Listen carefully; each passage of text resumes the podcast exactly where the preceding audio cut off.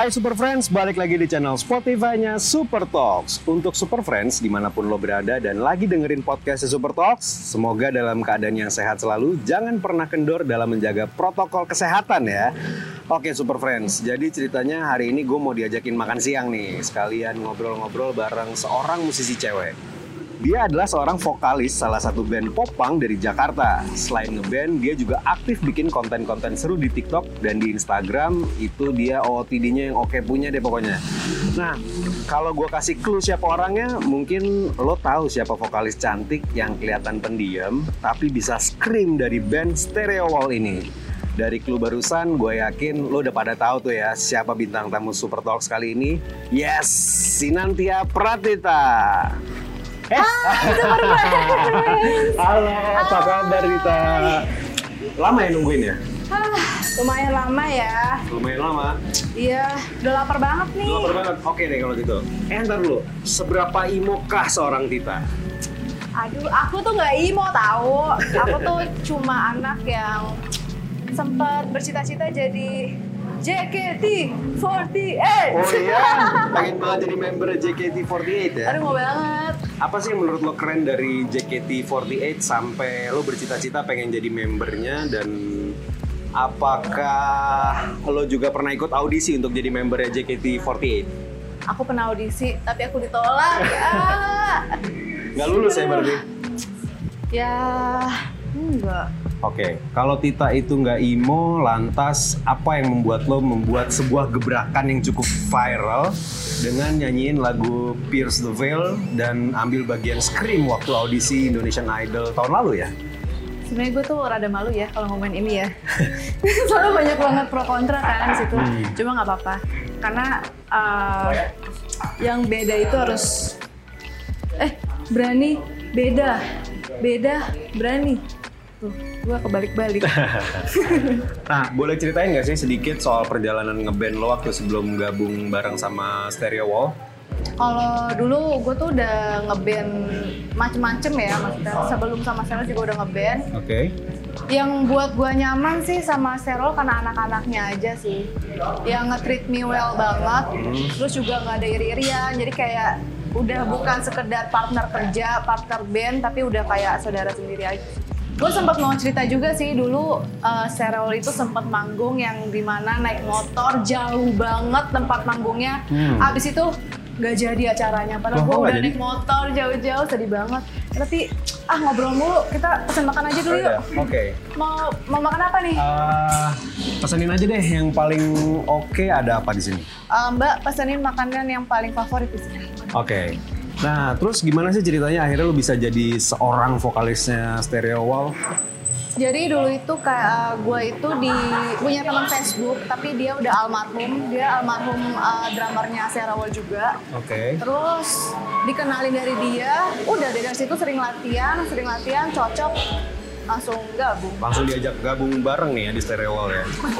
Nah, sebagai seorang vokalis di Stereo Wall nih, siapa aja sih sosok musisi idola lo? Kalau musisi idola sebenarnya banyak yang terinfluence gue ya. Misalnya gue nge gue tuh mengidolakannya banyak gitu loh. Jadi kayak ada Chrissy Costanza, ada Lauren Mayberry.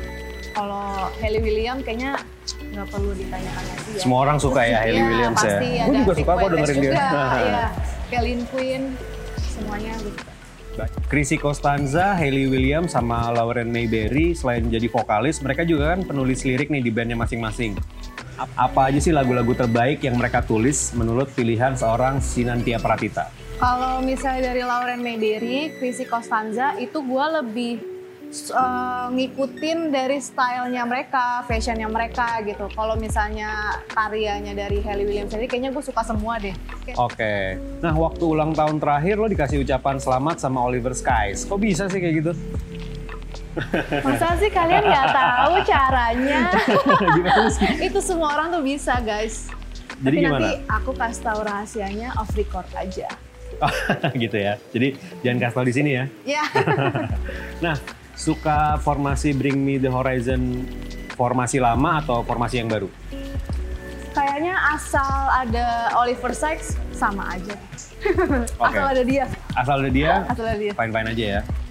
Nah, beberapa waktu belakangan ini kan film seri Stranger Things season 4 nampilin lagu Master of Puppets-nya sebagai soundtrack yang bikin suasana pertempuran di season akhir ini jadi makin sangar tuh.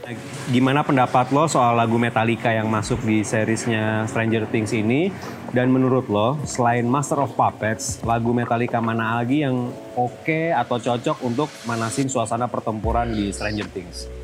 Kalau misalnya lagunya Metallica itu di Stranger Things, menurut gue benar-benar fit in banget sama uh, serialnya. Dapat banget dan beberapa dari musiknya dan dari scene-nya juga beberapa jadinya tuh dua-duanya tuh menyatu bener jadi ngangkat banget lah gitu. Terus kalau misalnya lagu lain, mungkin entertainment juga bisa Entertainment aja menarik gitu ya? Iya. Ini menarik nih. Kenapa nama TikTok lo Yuki?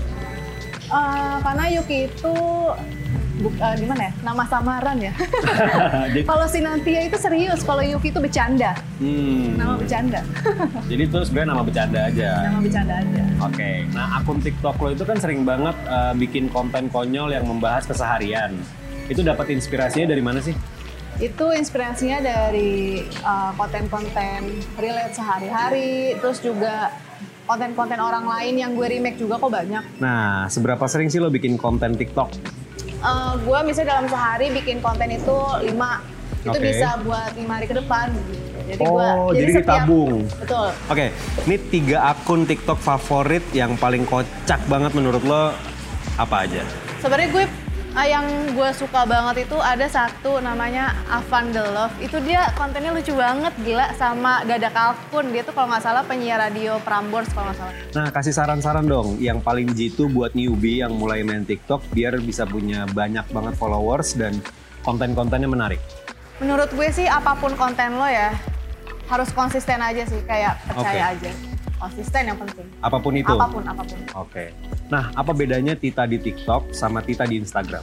Kalau di eh, TikTok aku agak barbar ya. kalau di IG aku Lebih jaim. lebih sopan dikit. Oke. Selain jadi musisi, TikToker dan juga selebgram, apakah lo punya keahlian lain yang orang lain belum banyak tahu? Mungkin gue bisa jadi pro player.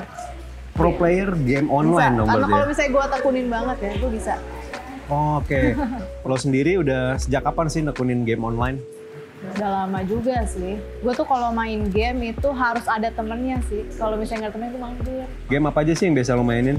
Ya standar lah Mobile Legend, PUBG, Valorant juga pernah sempet. Tapi itu juga kalau Valorant harus ada temennya. Hmm. Karena gue di Valorant tuh toxic banget gila. Nah, setiap gamers kan punya inisial nama. Lo sendiri eh, siapa nama gamenya?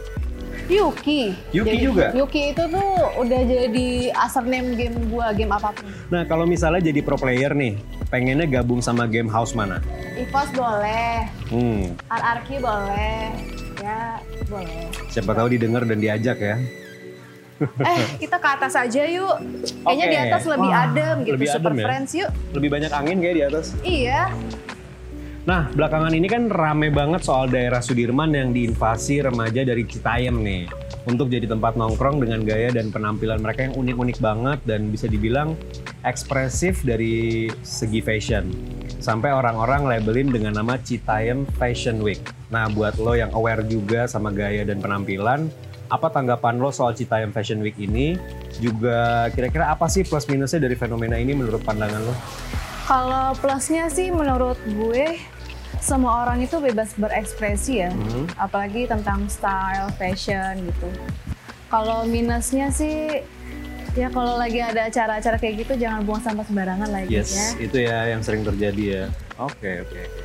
Nah, masih berhubungan sama fashion nih. Kalau misalnya lihat isi feed Instagram lo, kayaknya hampir tiap postingan tuh nggak lepas dari outfit-outfit yang keren. Kalau boleh tahu ciri khas fashion lo itu seperti apa sih? Gue sih lebih ke feminim, Hmm. random juga sih kayak ini gue mix suka mi- mix and match gitu sih gue orangnya. Nah, lo juga punya usaha thrift shop dengan nama Ed Gak Cinta Lagi, yang barang-barangnya cepet banget sold out kalau misalnya gue cek tuh. Apa sih yang membuat lo bikin usaha ini?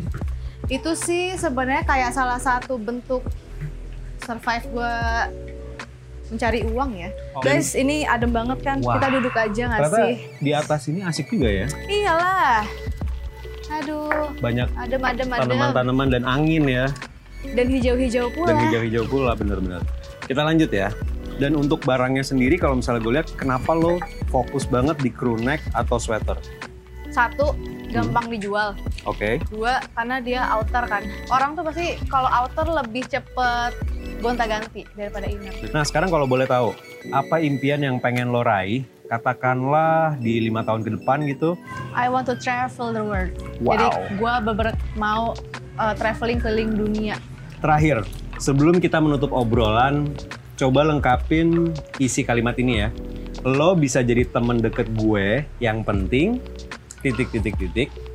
Dan satu lagi, gue bisa tiba-tiba nggak suka sama lo kalau lo titik titik titik. Lo bisa jadi teman gue. Kalau apa? Yang penting, Oh, yang penting saling menghargai karena dalam pertemanan itu harus saling menghargai guys. oke. Gue bisa tiba-tiba nggak suka sama lo kalau lo Uh, suka playing victim, Wah. Sering Awas terjadi di kota-kota besar Iya. ya. Oke Super Friends, baru aja kita ngobrol dan sharing pengalaman seru dari seorang Sinentia Pratita. Seru banget ya, tadi sempat juga ceritain uh, ada satu hal yang gak banyak orang tahu bahwa lu suka main game juga ya. Betul. Nah Super Friends, sekian buat Super Talks kali ini bareng Sinentia Pratita. Nantikan Super Talks di episode berikutnya. Stay tune terus di channel podcastnya Super Talks karena kita bakal terus kulik, korek, dan kepoin apa aja informasi seputar idola kesayangan lo yang lo belum tahu Super Friends. Jangan lupa juga untuk nonton Super Talks di channel YouTube Super Music. Terus lo tulis deh di kolom komentar siapa bintang tamu selanjutnya yang lo mau untuk kita datengin. Bye Super Friends! Ya, jago mau latihan dulu Mas Serewol. Ini gimana? Bungkus boleh? Mas, bungkus mas.